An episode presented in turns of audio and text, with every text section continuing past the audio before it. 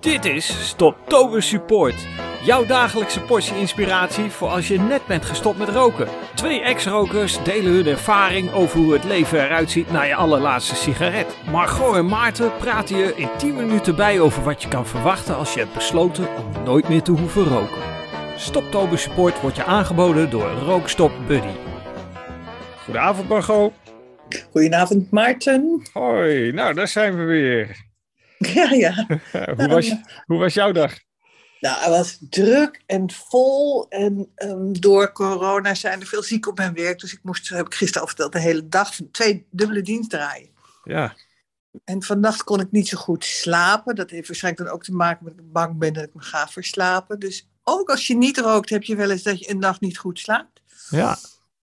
Ja, ik, het valt mij op dat ik ook wat, uh, wat minder goed slaap. Of uh, ik slaap wel goed, maar ik ben een beetje vroeg wakker. Oh, oké. Okay. En dan heb Ja, ik ik net, was- net, Ja. net zoiets van, uh, oh, ik zou nogal een drie kwartier extra kunnen, weet je wel? Ja, ik werd om half twee wakker. Mijn dochter was op weg naar Curaçao en ze zou ongeveer dan aankomen. En toen keek ik, toen zag ik dat ze had gebeld. En dacht ik, oh shit, shit. En toen Ja. ga meteen, "Ugh." Maar ehm, dat was alleen maar om te testen of, of de telefoon het deed. En eh, toen moest ik eigenlijk naar de wc.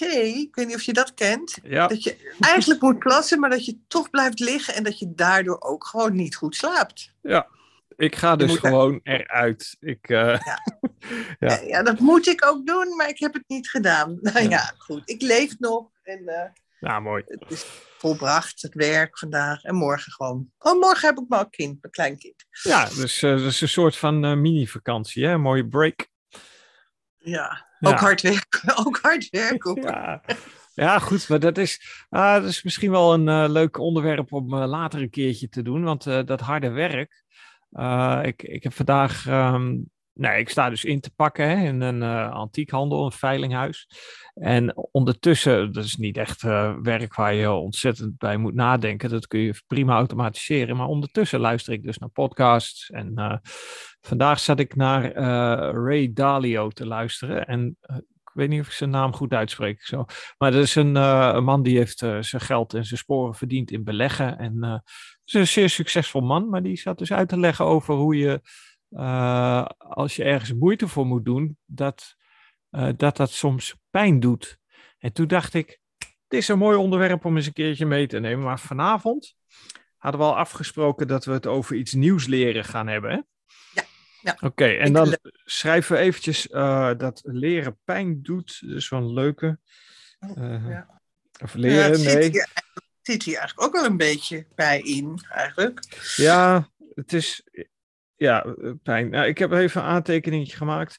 Die eh, podcast heb ik nog niet helemaal uitgeluisterd, maar ik, ik weet hoe die man eh, is. Ik heb er wel eens wat meer van gezien en van ge- gelezen.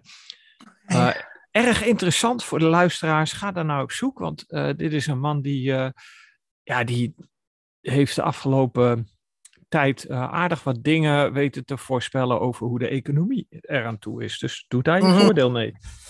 Mhm. Ja. Een Nou. eh, kijk- en luistertip. Ik ga de klok starten. Is goed. En dan. eh, ja, de tijd loopt. Eh, dan wil ik jou eens vragen hoe jij er tegenaan kijkt. Ehm, en dan ook een beetje vanuit het perspectief van Josh Kaufman. Dus ook even een kijk- en luistertip voor de luisteraars. Josh Kaufman, ik- ja, die, ja, die heb jij bekeken, hè? Die, dat filmpje van hem.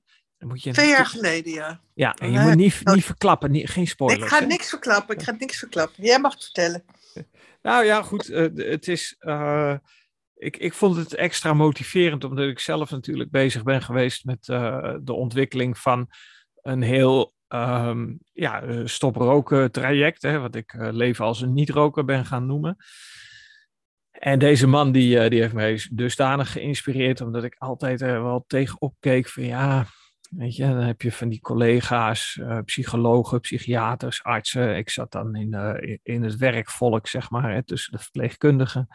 En ehm, ja, die, die mensen, daar kijk je dan tegenop, want die hebben gewoon vier, vijf, soms lange jaar gestudeerd. En eh, dus ik was er altijd van overtuigd dat als je iets nieuws wil leren, dat je daar heel lang over doet. En jij, jij volgens mij ook, of niet? Nou, dat dacht ik wel, maar, maar kijk, ik had dat ook gehoord hè, van, uh, of gezien. Het is een heel leuk film, maar dat ga je zo vertellen. Mm -hmm. um, uh, dat had ik gezien en toen dacht ik, oh kijk, dus, dus uh, alle momenten dat ik eigenlijk zit, zit, te verspillen aan piepen over, je mag moet niet piepen, maar dat deed ik natuurlijk ook, net als een heleboel mensen, kun je ook iets nieuws gaan leren, waardoor je ook je hersenen op een andere manier gebruikt, zeg maar, want door iets nieuws, heel, echt, echt iets wat je nog niet hebt gedaan. Dus als je niet kan autorijden, zou je kunnen gaan autorijden of uh, ukulele spelen. Of wat ik ben gaan doen, is Spaans gaan leren. Ja. En dan, dan heb je zo'n app, weet je, Duolingo, dat is, dan krijg je wel reclame, dat is gratis. En ja. iedere keer als ik dacht, oh, nu is het dan dacht ik, nee, tien woordjes leren. Ja. En dus ik, ik spreek nu redelijk een beetje Spaans. ¿Cómo estás, Margot? Dat zie je, muy bien. Ik doe. Maar nee, maar goed, dat was dus en heel leuk, omdat het spannend wordt. En ik doe dat nog steeds. Dat rook helemaal niet meer in plaats van roken, maar omdat het leuk is om iets nieuws te leren. Ja. En dat het dus ook werkt. Want ik kon inderdaad na drie weken of zo heel klein gesprekje in het Spaans voeren. Ja, dan kun je nagaan, zo snel gaat dat. En dat zijn dan, uh, je hebt echt die tijd opgevuld dat je anders zou, uh, zou hebben gerookt. Nou ja, dat, ik zat tandhakken van, en zo, ik doe mijn jas aan of ik ga zien. Maar toen ging ik dat Spaans doen en dan was ik het gewoon weer vergeten. Zeg maar ja. dat ik overschreef zeg maar mijn gewoonte met een nieuwe gewoonte. Namelijk in plaats van roken, iets nieuws leren. Ja, precies. Nou, en dat is precies hoe dat, uh, hoe dat systeem werkt. Want je kunt iets wat je uh, jarenlang hebt gedaan, kun je eigenlijk niet meer ontweten. Uh, dus, maar wat je wel kunt doen, is herprogrammeren. Dus het overschrijven met nieuw gewenst gedrag. Um, en ik, ja, dat, dat is. Um, een heel sterk middel. En ik, ik vind het frappant om nog steeds te horen, mensen die ik spreek vanuit de verslavingszorg, dat daar heel voorzichtig mee aan wordt gedaan. Want ik verbaasde mij er dus over toen ik uh, nou, eigenlijk vrij kort in de verslavingszorg werkte. Dat er werd gezegd van nou, je, je bent hier nu voor je alcoholprobleem. Maar uh, de, nou ja, dat, dat roken of uh, uh, ander gebruik, dat werd dan wel getolereerd. Niet op de detox, maar als je dan zeg maar ook daarbij cannabis gebruikte, dan, dan ja, was het eigenlijk niet vreemd dat je dan, als je een week had gedetoxed van alcohol, dat je daarna gewoon weer de koffieshop in ging. Als je maar niet dronk. En ja, ja. met roken was het net zoiets aan de, aan de gang. Uh, want we ha hadden uh, in de kliniek hadden we intern voor de cliënten hadden we uh, rookruimtes. Nou, dat heb ik volgens mij wel eens een keertje eerder verteld. Maar ja, aan mij heb je het verteld, maar ik denk niet dat, dat onze podcastluisteraars, podcastluisteraars dit, dit verhaal kennen hoor. Van je... Nee, nee oké. Okay, nou ja, goed, weet je, het is, maar... ja, de, we hadden dus intern rookruimtes voor de cliënten. En er waren ook mensen die nou ja, het best zwaar hadden in een detox en in een rolstoel moesten verblijven. En nou, dan konden ze binnen en ook s'nachts konden ze een sigaret gaan roken. Dat werd wel uh, enigszins ontmoedigd en afgeremd, maar we hadden die rookruimtes. En werd er gezegd van ja, uh, we moeten uh, onze cliënten moeten we die ruimte gunnen. Want ja, anders lopen de cliënten weg. Of nog een sterkere die ik heb gehoord. Anders wordt het onrustig uh, in, uh, in de kliniek. En dan denk ik van ja, maar daar zijn wij dus voor. Ja. om die rust te herstellen. En het gekke is dat als je dus. er zijn dus onderzoeken, een aantal, waarin, waaruit is gebleken dat als jij alles tegelijk aanpakt, dus je alcoholverslaving, je kookverslaving en je rookgedrag, je rookverslaving, dan maak je dus 50% meer kans om succesvol te zijn, om je nieuwe gedrag te implementeren. Nou, hoe mooi is dat? Ja, dat, dat is wel fantastisch, inderdaad. Ja. Als dat... Er zit natuurlijk ook wat in, hè? want uh, ik, ik, ben niet de, de, de, de mislicht gewicht. Ik was al wat zwaar. En dat heb ik al verteld, ook denk ik al hoor, dat ik uh, in een vorige poging was gestopt en dacht van als ik vijf kilo aankom, dan ga ik weer roken. Ja.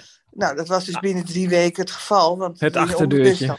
Ja. ja. Maar nu, de laatste keer dus, dat ik het besluit had genomen, dacht ik, nee, maar dat gaan we niet doen. Dus toen ben ik ook heel gezond gaan koken. werd ook een soort uh, ding, nieuw ding voor me om anders te gaan, uh, gewoon dingen anders te doen, anders te gaan koken, anders hm. te bereiden. En ja, ik, uh, ik, de, ik ben in het begin zelfs afgevallen. Mm -hmm. helemaal ja. niet aangekomen. Het kan, het kan mensen echt. Ja. Want, maar dat uh, hoeft is... niet zo te zijn. Want neem een koekje hoor, als je er zin in hebt. Want anders, hè, maar steek hem niet op. Maar dat bedoel ik niet. Maar het is wel inderdaad dat, dat je dus dan... Dat ik dat erbij pakte, omdat ik ooit die valkuil had gehad van ik word te zwaar. En nu... Uh, ja, maar dit is ook weer zo'n uh, zo'n zo'n foefje van de tabaksindustrie. Want in de jaren 50 zijn ze begonnen met een campagne om, uh, om dames te werven. En uh, er staan, uh, ja, ik heb op de, op de website heb ik ook een aantal plaatjes. ik hou van die oude reclames, hè, met name dan de tabaksreclames. Ja, oh ja. ja ik vind ze geweldig. Ja, maar daar zie je dus, ja, ja, artsen die roken, maar ook gewoon, er wordt reclame gemaakt van ja, als je rookt, dan blijf je slank. En dat is gewoon een, een, een marketingtruc geweest. Er is helemaal geen onderzoek. Ja, tuurlijk, als je stopt en je gaat iedere sigaret compenseren door te snoepen, dan word je dik. Ja. Maar als jij uh, inderdaad, precies wat je net zei, ook dat gedrag erbij aanpakt en dat wil veranderen, dan, uh, dan sta je gewoon uh, lekker sterk in, de, in de startblokken, letterlijk. En ehm, ja, het, is, het heeft ja, een groot voordeel, want nogmaals, dat is dus het principe wat ik net vertelde. Pak je alles aan of ga je er iets nieuws bij leren, dan uh, stijgt je uh, kans op succes gewoon uh, met, nou ja, 50%. Dat is een van de onderzoeken wat ik heb gelezen. En het leuke maar is. Het maakt, toch ook, het maakt toch ook niet uit, Maarten, wat? Ik bedoel, al is het gaan leren koken, breien, punniken, ja, ja. nagelslak. Het maakt echt niet uit wat, als het maar iets is waar je echt je op moet concentreren. Ja, klopt. Nou, uh, op moet concentreren of waar je moeite voor moet doen. En dat sluit ja, mooi aan op, op een uh, ja. andere podcast die, uh, die we moeten behandelen. Want ik heb nou, op dit moment iemand die de WhatsApp-begeleiding bij mij doet. Die is ook tegelijkertijd aan het detoxen. Oh, dus, okay. dus ook met haar voeding bezig. En nou ja, ik, ik, ik heb er nog niet de details over gevraagd. Um, dat zou ik eigenlijk moeten doen. Dus uh, bij deze, als je luistert, je weet wie je bent. nee, ja. dat, uh, dat kan ik natuurlijk via de WhatsApp ook vragen. Um, maar inderdaad, je voedingspatroon veranderen. Al die vanzelfsprekendheden aanpakken. Dat, uh, dat sterkt je alleen maar. Weet je wat ook een leuk is? Dat, daar moest ik vandaag zo om lachen, weet ik heel blij van. Dat was vanochtend vroeg al dat iemand die zei: Onze huisdieren worden zo, honden dan, worden zo blij, want ze weten niet wat ze overkomt. Gaan steeds maar wandelen buiten. Ja. En alweer en alweer. Ja. En dat vond ik zo. En er was ook een foto van zo'n leuk. Ik, ik dacht zo'n wit uh, whiskyhondje. Weet je dan wat ik bedoel? Ik dacht dat het zo'n soort hondje was. Je had vroeger van die. Uh, magneetjes, een zwart en een wit hondje. Ja, die twee, ja. Ja. Die twee, nou, en dit was zo'n wit maar En, en de foto was gemaakt van die, van die persoon die zo met die hond loopt. Die hond helemaal blij, maar die is aan alle kanten blij natuurlijk. Want die zit ja. niet meer in stank. Ja. Er wordt met hem gewandeld. Maar ik vond het een leuke. Ik ben toen inderdaad en lekker gaan eten zonder hm. aan te komen. En ik ben gaan zwemmen. Dus dan doe je, en dat Spaans leren. Ja, het is ook wel een zegen eigenlijk om dat te kunnen. Ja, zeker. De wekker gaat. Ja, nu al. Ja, ja. Nou, we zijn weet er niet toegekomen aan wat we wilden eigenlijk. Nou ja, volgens mij hebben we toch wel... Uh...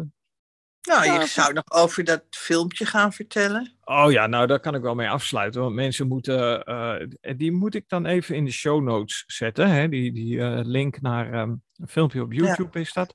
Was dat TED, TED, TED Story? TED? Was het daarin? Ja, TED Talks. En TED Talk. um, dat zijn van die uh, online uh, colleges, uh, praatjes van 20 minuten.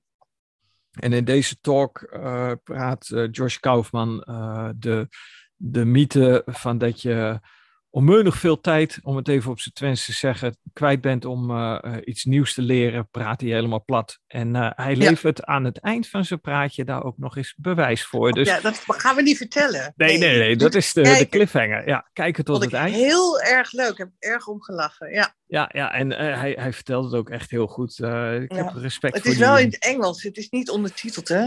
Ehm, nee, maar je hebt tegenwoordig uh, de uh, AI van uh, YouTube.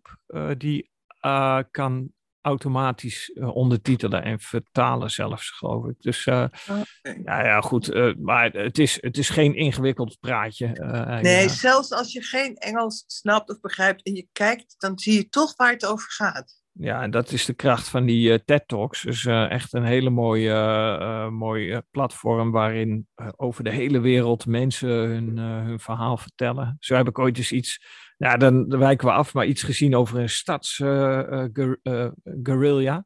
en die, dat was een man in Los Angeles, die, die wipte overal tegels uit en ging groentetuintjes starten. Gewoon in de buurt. En er werd er tegen hem gezegd van, ja, maar ben je dan niet bang dat mensen straks je tomaten gaan plukken? Dan zegt hij, ja, precies, daar doe ik het voor. Heel leuk. Heel, heel inspirerend, ja. Ja, ja, ja. Goed. Nou, goed. Maar het was weer, eh, het was snelle tien minuten weer, hè? Ja, hè? het vliegt voorbij. En uh, ik hoop voor de mensen die uh, nou, nog steeds uh, gestopt zijn, inmiddels al een beetje proeven van het leven als niet roken ik merk het in de groep. Ik merk het in de appgroep dat er steeds meer berichten komen van, nou, twaalfde dag, nou, ging eigenlijk wel goed. Sommige mensen hebben het wat zwaar, maar het is wat minder hysterisch, zeg maar. Snap je ja. wat ik bedoel? Ja, dat is die emotionele uh, uh, ja. ja. wervelwind waar je door moet. Eh, nou, die... ja, inderdaad. Ja, en dat hoort er allemaal bij. En die gaat ook wel weer komen, want er komt straks weer een moment dat je voor het eerst in een situatie komt dat je uh, wat je eerder hebt opgelost tussen aanhalingstekens door te roken of wat je altijd aan roken hebt gekoppeld. Dus ja, weet je, herken die, uh, die momenten en, uh, en pak ze aan. Ja. Hartstikke mooi. hey, we, gaan, uh, we gaan hem afsluiten, denk ik. Ja, nou, we spreken elkaar morgen weer, hè? Oké, okay. nou, tot morgen. Oké, okay, tot morgen. Doei.